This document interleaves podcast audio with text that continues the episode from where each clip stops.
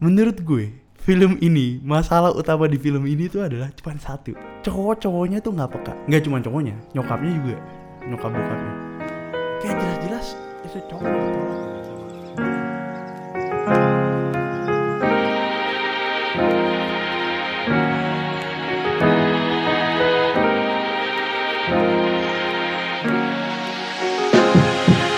Hai everyone, welcome back to PSK pada satu ketika season 1 episode 21 Dan sekarang lu lagi dengerin host lu Andre yang bakal bicara tentang perfilman Indonesia dan Dilan gitu. Gue bakal ngomong. Gue gak tahu intinya gue baru nonton film Indo sih eh, Di layar lebar kemarin. Yang gue yakin lu pada udah tahu semua Gue nonton Dilan 1991 First of all, gue mau ngucapin Gue mau ngucapin apa ya? Udah tai, langsung masuk aja lah. Oke, jadi eh, ini first time kan? Yang gue tadi bilang gue first time gue nonton film Indo di layar lebar setelah bertahun-tahun. Eh, jadi gue ceritain dulu nih kenapa gue baru nonton film Indonya barusan gitu kan. Oke waktu gue kecil SD gitu gue nggak mungkin nonton film sendirian kan. Oke let's say SMP SMP SD akhir sama SMP waktu gue kecil men gue tinggal di Madura cuy. Gue tinggal di Madura dan gue butuh 3 sampai 4 jam untuk gue pergi ke bioskop terdekat gue harus nyebrang pulau ke Surabaya buat gue nonton bioskop. Dan waktu gue ada kesempatan nonton bioskop yang gue nggak selalu dapat every month gitu kan ya mungkin gue ke Surabaya biasanya sebulan sekali sih waktu gue di eh, Madura. Dan let's say sebulan sekali gue paling nonton dua bulan sekali lah gue nonton bioskop ya kan?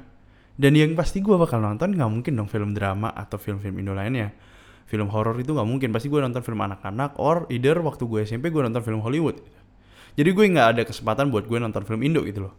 Setelah gue gimana ya setelah gue pindah ke Surabaya di Surabaya pun kayak men gue masuk tuh SMA gue tuh kayak ya lu pada udah expect lah kayak Cina-Cina belagu cuy.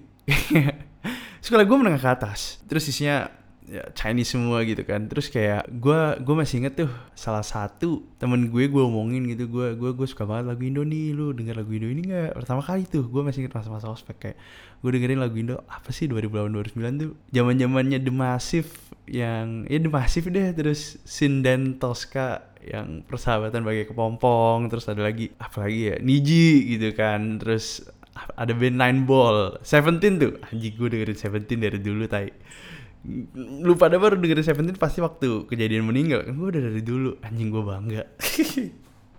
But yes gue kayak ngomong eh lu denger band ini nggak? Oh gue nggak denger eh, lagu-lagu Indo. Ngapain dengerin lagu Indo? Ih kayak what the fuck? Apa salahnya anjing? Kayak kayak gue, gue ngerasa apa sih yang salah sama lagu Indo sampai lu segitu ya benci sama lagu Indo? Ya kayak kayak kalau lu ngerasa level lu bukan di lagu Indo teman-teman gue yang Cina Jakarta aja semua dengerin lagu Indo gitu. Eh, lucunya adalah teman-teman gue yang di Surabaya ini eh, sekarang kan zamannya live music tuh. Zamannya live music semua pada dengerin live music kan. Obviously mereka mau nyanyinya lagu-lagu Indo gitu. Terus kayak mereka oh iya lagu gue gue suka banget lagu Indo. Ini kayak tai. Lu katain gue kampungan dulu gara-gara dengerin lagu Indo. Dan sekarang lu lagi dengerin lagu Indo tai lah. Oke jadi intinya eh, gue nggak ngerti kenapa. Dulu eh, gue ngerasa Cina-Cina Surabaya itu pada belagu ya. Jadi mereka nggak suka kayak dengerin lagu Indo. Dan gue ngajak film nonton film Indo pasti mereka nggak suka banget ya. Gue nggak tahu sih ya apa mungkin mereka nganggep kualitasnya emang rendah ya? Jadi tapi kayak kalau mereka nganggep film Indo kualitasnya dulu rendah hmm, mungkin gue eh, gue gue gue gue bisa ngertiin gitu. Soalnya gini bayangin ya dulu film Indo itu dananya tuh kecil banget loh. Kalau zaman sekarang tuh ada namanya informasi udah gampang banget terus kalau lu nyadar kota itu baru kelihatan gede. Oh ini kota nih. Waktu mereka udah punya bioskop sendiri gitu. Karena waktu lu punya bioskop sendiri lu berarti orang-orangnya udah bisa willing to spend kayak gua nggak tahu. Di Surabaya sih lu nonton weekend go goban tiga lima puluh ribu ya. Kadang ada mall yang gak laku tuh kayak 35 ya segituan lah dan gue yakin kalau apa ada yang lebih murah kali ya? Mungkin di di di kota-kota kecil 30 ribu kali. Nah orang mau bayar kayak 30 ribu buat nonton bioskop menurut gue daya belinya dengan UMR di di daerah itu 2 UMR masih banyak loh yang di bawah 2 juta. Dan mereka kayak spend 30 ribu every like weekend buat nonton itu menurut gue berarti kota itu udah maju gitu kan Uh, jadi zaman dulu bioskop tuh nggak banyak. Zaman sekarang lu bandingin aja, begitu banyaknya orang-orang di Indonesia yang udah mulai tajir, udah mulai bisa spend duit, dan mereka hmm, bioskop malah kan gede gitu. Dan film-film Indo jadinya lebih kelihatan gitu loh. Oh iya bioskop lebih banyak ya. Target market gue lebih luas nih. Terus udah gitu banyak namanya Instagram, influencer, ya, ya gue ya itu itulah. Mereka pada bikin kayak gembor-gemborin filmnya gitu kan. Jadi menurut gue industrinya makin berkembang sekarang. Uh, gue bisa ngertiin mereka. Mungkin kualitasnya mereka nganggep kualitasnya jelek gitu padahal menurut gue enggak gitu kayak anjir gue masih tuh ada film horor dulu tuh gue suka banget loh nonton film horor Indo kayak sukanya banget Oke, gue pilih satu aja. Gak ada satu film yang gue yakin kalau lu pada udah nonton, gue yakin lu pada bilang ini film bagus juga. Bangku kosong. Ayo, lu, ayo gue yakin lu pada yang udah nonton pasti nganggep ini film bagusnya parah, jir. Bangku kosong bagus banget, jir. Sampai gue kepikiran loh besoknya gue nonton yang favorit gue sih bang. Dari semua ya gue udah susah ngesot jalanku segala macem. Uh, gue suka bangku kosong loh kayak ceritanya dapet ceritanya dapet. Nah makanya menurut gue dana yang dikeluarin sama kualitas nggak selalu sama tapi emang iya. Misal lu beli barang yang harga lebih mahal 7 out of 10 pasti kualitasnya lebih bagus gitu kan ya. Tapi gak berarti itu uh, pasti lebih bagus gitu loh maksud gue. Tapi ya ya ya gue ngertiin lah. Tapi gue suka banget loh by the way. Gue balik lagi gue suka banget film horor dulu tuh. Sebelum zaman zaman Miyabi Rin Sakuragi jadi setengah jaf gitu tai lah. Jadi jelek aja setengah porno tai. Jadi itu alasan gue kenapa SMA gue nggak bisa nonton juga. SMP gue bisa nonton SMA gue gak bisa nonton. Ya masa gue nonton sendirian temen-temen gue nggak ada yang mau gitu kan.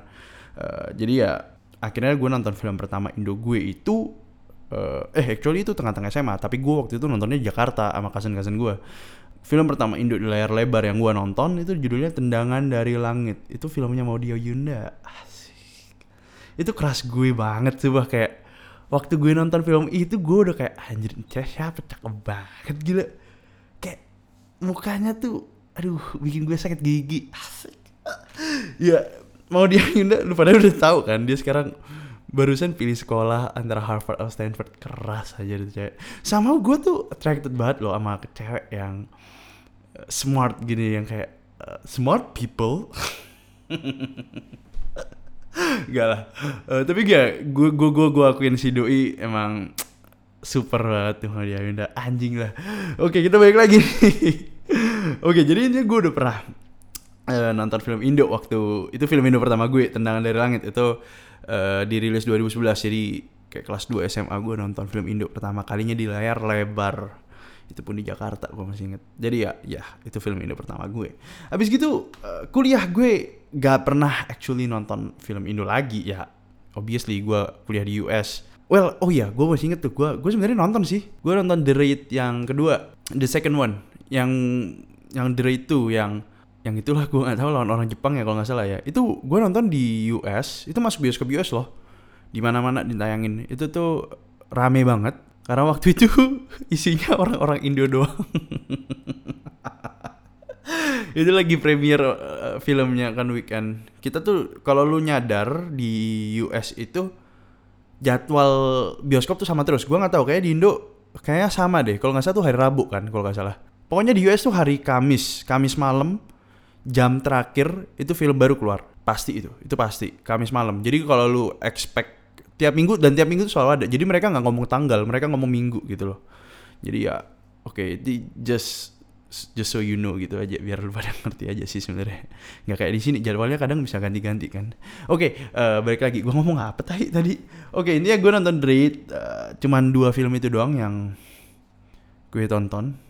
Tapi bukan karena gue sombong nggak ngehargain produk Indonesia sendiri tapi circumstance gue emang nggak memadai gitu kan. Gue pingin banget lo dulu. Kalau kalau gue dulu SMA mungkin kayak gue sekarang mungkin gue nonton gitu loh. Tapi bang SMA men zaman zaman lu gimana ya?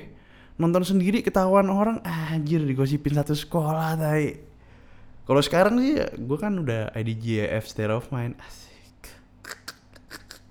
Oke jadi itu ceritanya dulu kenapa gue nggak bisa nonton film Indo. Waktu gue gue sharing aja sih. Anjing udah lama juga ya gue sharing tadi oke. Uh, but yes that's my thought on Indonesian movie and why I couldn't watch it. So gue jadi nonton Dilan nih ya kan? Pada suatu ketika gue nonton Dilan 1991 tuh weekend kemarin. Gue nonton berempat. Gue adik gue sama ceweknya terus adik gue yang main kecil sedih sedih sih. Kenapa gue sendirian? Itu malam minggu gue seru juga sih tadi oke itu kita berempat kita gabut banget. Udahlah yuk. Nonton lah nonton anjir. Nonton 9 19 91 uh, gue pun nonton Dilan sebelumnya tapi gue nontonnya bajakan. Aduh sorry ya Iqbal. Uh, Nesa asik Nesa kayak kenal aja.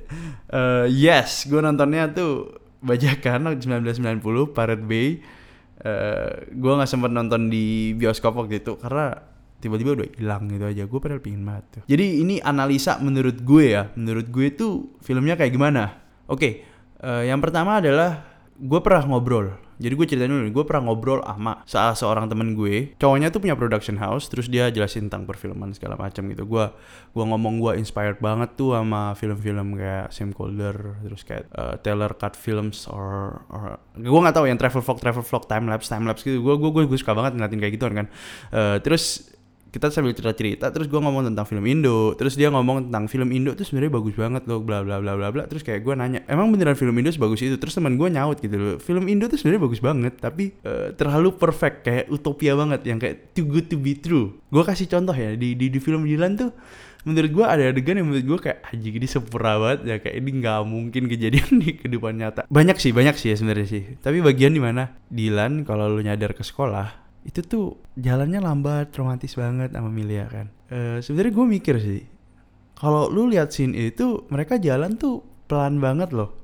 Pagi-pagi rame gitu rasanya kayak tenang gitu. Gue seumur umur sekolah gue nggak pernah gue nggak pernah jalan serame itu dan orangnya nggak buru-buru. Biasanya kalau udah jalan tuh rame ya kan? Itu gue yakin tuh udah telat tuh. Itu udah tujuh gue waktu itu masuk tujuh tiga puluh ya berarti tujuh dua lima tujuh dua gue nggak tahu tujuh dua tujuh tujuh dua delapan tuh jalan rame banget tuh. Dan orang-orang nggak ada tuh yang namanya jalan tenang ngobrol ketawa ketiwi kayak semuanya tuh kayak lari gitu kalau anak orang-orang jalannya lambat pun sambil ketawa ketiwi itu tuh pasti nggak serame itu gitu loh. Ngerti gak sih maksud gue? Kayak Haji itu terlalu perfect sih, terlalu kayak terus semuanya kayak jalan in one motion kayak kayak terlalu perfect gitu loh. Sepedanya terus kayak yang ada motionnya gitu loh yang kayak bareng-bareng dua sepeda kayak zigzag kanan kiri kayak gue gue uh, terlalu terlalu sempurna gitu loh. Jadi ya itu menurut gue tentang dan gue gue gue, gue ngelihat di Dilan itu emang ternyata iya ya kayak banyak sih di Indonesia. Gue nggak bilang di Indonesia doang loh. Even di Hollywood tuh banyak banget scene-scene yang kayak terlalu sempurna gitu loh menurut gue. Jadi kayak kelihatan nggak natural gitu. Terus uh, bagian-bagian yang kayak Dilan tahun baru gitu kan kan kayak terlalu sempurna banget. Gila, tahun baruan kayak gitu. Kayak apa ya main gitar kayak kembang api. Kayak iklan Coca-Cola gitu jadi terlalu sempurna tadi but yes itu that's that's my first thought on the movie though. Uh, the second one is like mungkin banyak cringe ya banyak cringe ya respon gue terhadap movie itu banyak cringe ya uh, gue nggak bisa ngomong ya. Itu movie soalnya diadaptasi dari novel gitu dan kata-katanya nggak ada yang diganti mungkin ya. Uh, gue nggak actually pernah baca di novelnya tapi kalau emang kata-kata itu dipakai di novel gue bakal bilang wow. Like legit wow. Tapi entah kenapa waktu Iqbal ngomongin itu kerasanya kayak ih cringe banget tai. Oke kita pilihin beberapa ini aja deh beberapa quotes quotes Dilan oke okay, here you are. Quotes Dilan 8 quotes Dilan 1991 bikin cewek baper dan senyum-senyum sendiri. Asik. Oke okay, kita mulai dari mana nih? Oke okay, gua gua gua gua bacain lu pada Uh, ngerasa ini cringe atau enggak kalau emang gue cringe sendirian mungkin gimana lagi? Mungkin apa mungkin waktu gue baca lu pada nggak cringe? Mungkin gue uh, harusnya main Dilan bukan Iqbal. Mungkin. Oke. okay. Uh, quotes pertama, tak pacaran denganmu juga tak apa, asal kamunya tetap ada di bumi sudah cukup. Sudah bikin aku senang. Oke, yang kedua nih. Aku tidak ingin mengekangmu, terserah. Tanda seru. Bebas ke mana kau pergi, tanda seru. Asal aku ikut. Yang ketiga nih. Kalau aku jadi presiden yang harus mencintai seluruh rakyatnya, aduh maaf aku pasti tidak bisa karena aku cuma suka Milia. Oke, okay, terakhir ya, terakhir ya. Uh, Sebenarnya masih banyak sih, gue pilihin yang empat lah awal. PR adalah merindukanmu. Lebih kuat dari matematika, lebih luas dari fisika lebih kerasa dari biologi gue ngerti ya mungkin waktu uh, situasinya lagi pacaran berdua doang uh, kalau cewek digituin mungkin kelompok-kelompok gitu ya. Nah orang ketiga yang ngeliatin mungkin bisa muntah. Yang orang ketiga yang dilihat yang di pojokan gitu yang yang yang yang, yang dengerin dari yang dengerin lagi tapi lagi nggak di circle itu lagi berpacaran kan mereka kan. Uh, orang ketiga yang lagi dengerin mungkin denger gomelan-gomelan kayak gitu kayak anjing jijik banget gue dengernya. Uh, mungkin karena itu ya gue ngerasa banyak cringe momennya gitu. Tapi kalau lu tanya gue apakah bahasanya itu lebay wow. Bahasanya menurut gue puitis banget sih. Kalau gue cari buku mungkin gue bisa tepuk tangan sambil gue baca kali. Uh, jadi gue gue gue nggak gue nggak ngomong kayak oh it's bad but it just like I don't know. Gue nonton tuh kayak rada cringe kayak iuh gitu. Kadang ada momen-momen kayak gitu sampai gue kayak sebenarnya gue udah nanya si istri sih gue udah ngobrol sama dia uh, setelah gue nonton Dilan terus kayak berapa hari kemudian gue ngomong tentang Dilan gue mau ngomong kayak eh gue bakal ngomongin ini di podcast gue. Uh, gue cuma nanya istri tentang satu hal sih sebenarnya. Si istri tuh fans berat Dilan. Parah. Jadi kayak waktu gue uh, gue ngupload ini kayak dia bakal marah sih. But yes dia bilang kayak gini nih uh, gue nanya tuh kayak apakah kata-kata itu sama persis sama bukunya? Yang tadi gue bilang kayak kayaknya rada nggak pas kan uh, kalau misalkan kata-katanya tuh dipindahin persis dari buku gitu loh. Even di Hollywood pun banyak banget kata-katanya yang dipotong gitu loh. kayak uh, ngambil quotes-quotesnya yang penting-penting doang gitu loh. Ngerti gak sih maksud gue? Kayak kayak apa ya? Uh, film favorit gue tuh Perks of Being Wallflower yang We Are Infinite I think. Quotesnya kalau nggak salah pokoknya yang kayak gitu-gitu deh kayak kayak kayak ada quotes-quotes yang penting yang dimasukin kalau ini kan rasanya kayak semua quotesnya dimasukin gitu loh uh, jadi si Isti bilang gini nih iya kayaknya emang lengkap dipakai semua sih quotes-quotesnya Dilan tapi tapi kalau misalnya nggak dipakai semua kayak film Dilan nggak ada istimewanya deh Soalnya cerita dia standar banget, anak SMA suka-sukaan, pacaran, konflik, putus. Gak ada putusnya. Nah mungkin value-nya dia emang karena si Dilan ini anaknya beda banget dari anak-anak lain. Dia nakal tapi dia seekspresif itu dalam hal cinta. Menurut orang-orang cerita ini kan cerita si penulisnya yang sampai sekarang gak ngaku dalam tanda kurung. Dan emang orangnya sebelangsek si Dilan. Unik gitu loh. Nah jadi nilai nilai jual film ini ya emang di quotes-quotesnya itu. Dan kayaknya emang sebenarnya sih emang ini ceritanya lebih bagus kalau cuma di bukunya doang aneh sih pas sudah dijadiin film kayak terlalu nggak realistis kalau ada orang gambarnya sepuitis si Dylan si Dylan si si Isti aja ngakuin gitu kayak dia dia fans beratnya si Dylan ini movie by the way. Uh, dia bilang kayak emang kurang ada yang kurang pas gitu kayaknya. Makanya makanya gue dari dulu tuh gue dari dulu gue jujur aja ya gue dari dulu lebih suka baca loh daripada nonton kayak uh, even waktu gue masih di baca-baca buku yang kayak uh, buku-buku anjing gue mager banget ngomongnya. Iya gue dulu baca buku-buku John Green tay gue baca semua Paper Town uh, Looking for Alaska. Eh Looking for Alaska is it? Terus Fault in Our Stars tai. Gue lebih suka bacanya gue lebih suka semua bukunya dia. Even Harry Potter sama Divergent tuh gue lebih suka buku-bukunya. Sorry lah buku gue dulu emang masa-masa kelam gue. But yes pembawaannya mungkin kurang pas juga sih ya. Jadi mungkin itu yang bikin uh, filmnya waktu quotesnya diomongin rada cringy gitu loh tapi ya mau gimana lagi ini deh jualnya terus udah gitu kita dari pihak ketiga mungkin anak SMA dulu kayak gitu ya mungkin anak SMA dulu zamannya gomelnya kayak gitu. Gue gue juga nggak tahu. Bisa jadi kan kayak gimana ada yang tahu? Coba tanya banyak lu. Kira-kira dulu gomelnya kayak gimana? Mungkin juga ada orang yang bisa terima. Jadi gue nggak ngomong kayak oh ya itu cringy itu jelek. Ya itu menurut gue sih gitu. Tapi nggak nggak selalu kayak orang lain harus terima apa opini gue juga kan jadi kalau ada orang lain bisa nikmatin ya mungkin ya mau gimana lagi. Kayak istri bilang dia fine fine aja sih. Habis baca bukunya so I don't know ya kan ya. Kayak tiap orang punya selera beda-beda. So yeah that's my second point. But yes it's a good movie. It's a good uh, a lot of good words dari Dylan sih. So that's the second one. Uh, third one itu mungkin respon gue terhadap movie ini adalah movie ini terlalu di stretch menurut gue kayak movie-nya tuh naik turun banget. Oke bagian pertama tuh uh, gak ada masalah. Terus tiba-tiba ada masalah waktu si siapa?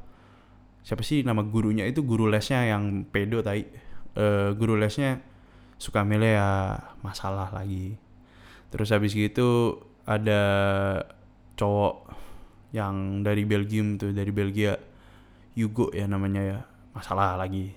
Terus ada yang meninggal masalah lagi. Dikeluarin dari sekolah masalah lagi.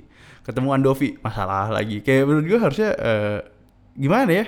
Kayak banyak naik turun naik turun roller coaster gitu. Jadi gue kayak ini udah kelar belum ya? Itu sebenarnya diomongin juga sih sebenarnya sama si eh, waktu gue ngobrol sama teman gue yang yang punya cowoknya teman gue yang punya production house ini. Dia juga ngomong gitu gue kayak kayak film Indo tuh banyak naik turun naik turunnya gitu. Kadang ceritanya di stretch banget gitu jadi eh, well ya kita industri baru ya di perfilman jadi mau gimana lagi? Gue tetap respect sih. I mean ya temen gue juga respect. Kayak kayak kayak ya respect lah. Namanya kita juga kalau bandingin sama Hollywood yang dananya lebih gede yang tadi gue udah bilang kan udah gede dari dulu ya kita nggak bisa ngomong ya kan? Eh, di sini aja lu kuliah perfilman lu dikata-katain di Hollywood banyak banget tuh orang-orang yang kuliah jadi aktor jadi artis gitu kan. Eh, kuliah perfilman gede banget jadi nggak bisa ngomong ya kalau ngomong kualitas mah. Balik lagi but yes film Indo menurut gue yang pengalaman pertama gue nonton film Indo setelah lumayan lama eh, filmnya tuh terlalu di stretch banget yang kayak ya kayak, kayak FTV gitu jadinya. Oke itu menurut gue respon gue terhadap film itu sendiri. Tapi gue ada respon tambahan. Bonus anggapannya. Oke anggap anggap Dilan ini seorang individual kayak kayak, kayak this whole story ini emang beneran ada gitu kan jadi kita lagi nge- mereka nih ngegosipin hubungan mereka. Anggap mereka tuh eksis gitu. oke menurut gue film ini masalah utama di film ini tuh adalah cuma satu. Cowok-cowoknya tuh nggak peka. Nggak cuma cowoknya nyokapnya juga nyokap bokapnya kayak jelas-jelas itu cowok udah ditolak gitu loh sama Milea. Mereka nggak nyadar kayak kayak kayak, kayak bagian yang di mana Yugo waktu itu ngajakin Milea pergi terus tapi udah ditolak kan. Terus kayak kenapa kayak menurut gue kayak kenapa lu nggak sadar cuy apakah film ini kayak mau nunjukin sebenarnya cowok-cowok tuh emang nggak peka ya Well, gue nggak tahu. Soalnya emang nyokap bokapnya sendiri, nyokap bokap kan harusnya tahu gitu waktu waktu anaknya udah mulai kayak udah mulai uncomfortable gitu kan. Kalau lu denger dialog-dialognya tuh kayak si Mila udah jawabinnya dingin terus kayak oh iya ada cara cari alasan gitu. Harusnya bonyoknya udah mulai nyadar kan kayak oh iya ini udah anak gue nggak mau gitu kan. Atau mungkin bonyoknya dia kayak bonyok gue. Bonyok gue tuh seneng banget loh kalau misalkan kayak anaknya tuh jadi extrovert, kenal banyak orang ya. I think ya mungkin it's a good thing gitu tapi kayak oke for your information my mom is hella my mom is hella extrovert sih to the point kayak my mom itu kayak oh ya semua orang harus extrovert jadi eh, my parents sih lebih in general kayak my parents tuh beranggapan kalau lu nggak extrovert tuh it's actually a bad thing. Menurut gue enggak juga gitu loh. Banyak a lot of leaders sekarang yang zaman sekarang kalau lu lihat tech industry rata-rata gue yakin mereka introvert semua gitu. Lu tahu gak Barack Obama tuh juga introvert as a person gitu loh. Jadi kayak menurut gue nggak selamanya kayak eh, bukan nggak selamanya sih. Emang enggak gitu loh. Extrovert introvert gak nyentuin uh, whether you have a good life or not gitu loh. Itu karakteristik orang. Gue nggak ngerti. Mungkin nyokap bokapnya yang kayak Asian parents yang kayak oh lu harus kenalan sama banyak orang gitu dipaksa anaknya gitu kan apalagi nyokap bokapnya waktu itu tahu waktu jalan sama Yugo tuh gue kesel banget sih kayak nyokap bokapnya kan tahu anaknya udah sama Dylan ngapain masih masih disuruh buat jalan lagi sama Yugo gitu kayak anjing aneh banget ay. dan Yugo juga tai aneh banget ay. itu kan sepupu jauh sepupu jauh kayak dua pupu gitu anjing masih aneh sih menurut gue lu pacaran? Oke betul gue itu itu gue entah kenapa gue emosi cerita tentang film ini. But yes ada masalah lagi sih selain itu menurut gue. Kalau lu lihat relationshipnya si uh, Milia and Dylan ini Dylan tai so Inggris banget. Oke uh, aduh kok gue ngomong kasarnya baik banget ya? Gue kurangin ah. Jadi kalau lu lihat Milia sama si Dylan sebenarnya Milia tuh gimana ya menurut gue? Gue bisa bilang dia lumayan selfish sih. Kayak gini first of all Milia mau ngerubah si Dylan. Itu udah nggak bagus banget buat relationship kayak oke lu harusnya dari awal udah expect orangnya bakal kayak gini. Dia expect dia sampai ngancem-ngancem segala macam kan. Jadi dia expect kayak oke gua uh, expect si Dylan bakal berubah. Itu udah salah. Kedua alasan dia nggak mau Dylan ikut geng motor. Oke geng motor it's a bad thing ya. Gua no shit itu kalau dia ceweknya nggak mau. Uh, tapi let's say let's say let's say ini gue gua gua samain analogi geng motor ini sama cowoknya suka cliff climbing gitu alasan dia kan sama dia takut si Dylan ini uh, masuk penjara dibunuh orang gitu kan. Dia cemas sama Dylan gitu. Tapi uh, let's let's say geng motor it's a good thing. Let's say let's say aja gitu kan. Berarti si cewek ini karena dia saking cemasnya dia tuh somehow batesin si Dylan kayak si Dylan punya passion itu dibatesin sama si Milea. Kayak oh lu nggak boleh ikutan ini karena gue cemas sama lu. Cemas tuh kan karena Milea seneng gitu loh dengan kedatangan si Dylan jadi dia ngalangin passion si Dylan buat Dylan bisa tetap ada buat Milea kayak menurut gue anjing ini orang selfish banget. Jadi menurut gue Milea juga salah di situ. Menurut gue emang mereka berdua nggak cocok sih. Dylan at the same time juga salah kayak oh iya gue udah bikin puisi tiap malam kayak disuruh pilih antara geng motornya atau Milea masih aja milih geng motornya. Kalau emang Milea dunianya si Dylan harusnya Dylan bisa buang semua itu dong. Ngerti gak maksud gue? Apalagi yang dia buang bukan sesuatu yang uh, baik gitu loh. Kalau dia harus buang let's say dia keterima Harvard terus si Milea bilang oh aku mau kamu kuliahnya di Bandung aja. Ya tai itu. Yang dibuang lumayan gede itu. Kalau ini kan anjing geng motor ya kalau geng motor lu bagi-bagi kayak geng motornya tuh baik-baik mungkin masuk akal. Ini geng motornya suka tawuran tai lah. Itu nyokapnya Dilan juga gimana sih? Gue nggak ngerti sih. Aduh aneh lah itu keluarga tai. But ya seharusnya kalau emang si Dilan truly care kayak dia nggak pingin Melia cemasin dia terus harusnya dia udah fuck it fuck geng motor gue tinggalin nih semua geng motor. Gue balik lagi sama si Milea harusnya kayak gitu. Dan di gue gua gue bisa ngerasain si Dilan tuh expect Milia bisa terima dia apa adanya gitu loh. Emang di hubungan itu sebenarnya namanya pacaran itu dibutuhin buat lu belajar untuk sacrifice apa yang lu punya. Apa terus lu bisa apakah lu bisa understand each other, apakah lu bisa uh, terima satu sama lain apa adanya gitu loh. Bukan bermaksud untuk lu ngerubah satu sama lain gitu. Siap, kenapa gue ngomong jadi ngomong relationship ya anjing? But yes, dua-duanya salah di situ. Jadi menurut gue kalau mereka gue sedih sih. Kalau lu tanya gue gue waktu gue jujur aja cringe dan ngantuk the whole movie sampai bagian akhir di mana mereka berdua ketemu di uh, magangan itu gue lumayan kayak fuck. Jadi gue nggak ngomong filmnya jelek. Filmnya bagus banget menurut gue. Secara movie itself technical menurut gue ya kalau lu bandingin Hollywood jelas kalah. Tapi untuk film Indo ya gue dukung terus sih film Indo no matter what. For the story itself buat ya yang tadi gue omongin dua-duanya salah dua-duanya emang gak cocok ya. Jadi mau gimana lagi dua-duanya sama-sama egois. Dan mereka berdua masih ngarepin hubungannya bakal jadi. Ya enggak lah anjing lah. But yes guys that's that's that's the story about my experience. Okay, experience gue watching Indo movie for the first time. Actually the third time ya, third time in my life. So. Yeah. Halo semua, tinggi banget udah dengerin PSK Podcast Season 1 Episode 21. Gua mau ngucapin jangan lupa follow PSK Podcast, jangan lupa follow PSK Podcast, jangan lupa follow PSK Podcast. Gue jujur aja sih, gue jujur aja nggak nyangka, tai, gue ngobrol lama banget lagi. Anjing gue kena, aduh, gue akhir-akhir ini suka ngomong kasar nih. Uh, so sorry banget ya gue ngomong kasar sebanyak ini gue harus kurangin gue yakin gue bisa kurangin di kemudian hari hopefully. Gue by the way uh, akhir-akhir ini gue ngeliat emang ada penyusutan angka di anak 0 sampai 17 tahun. Jadi gue aduh gue lega gue ngerusak generasi baru. But yes thanks a lot guys sudah dengerin. Uh, itu pengalaman gue uh, nonton film Indo lagi di layar lebar. Uh, so yeah. I'll see you guys next week. Don't forget to subscribe. Eh apa sih? Follow ya ya? Yeah, follow on SoundCloud uh, eh yeah so follow on SoundCloud and Spotify subscribe on iTunes. So yeah I'll see you guys next week. Bye bye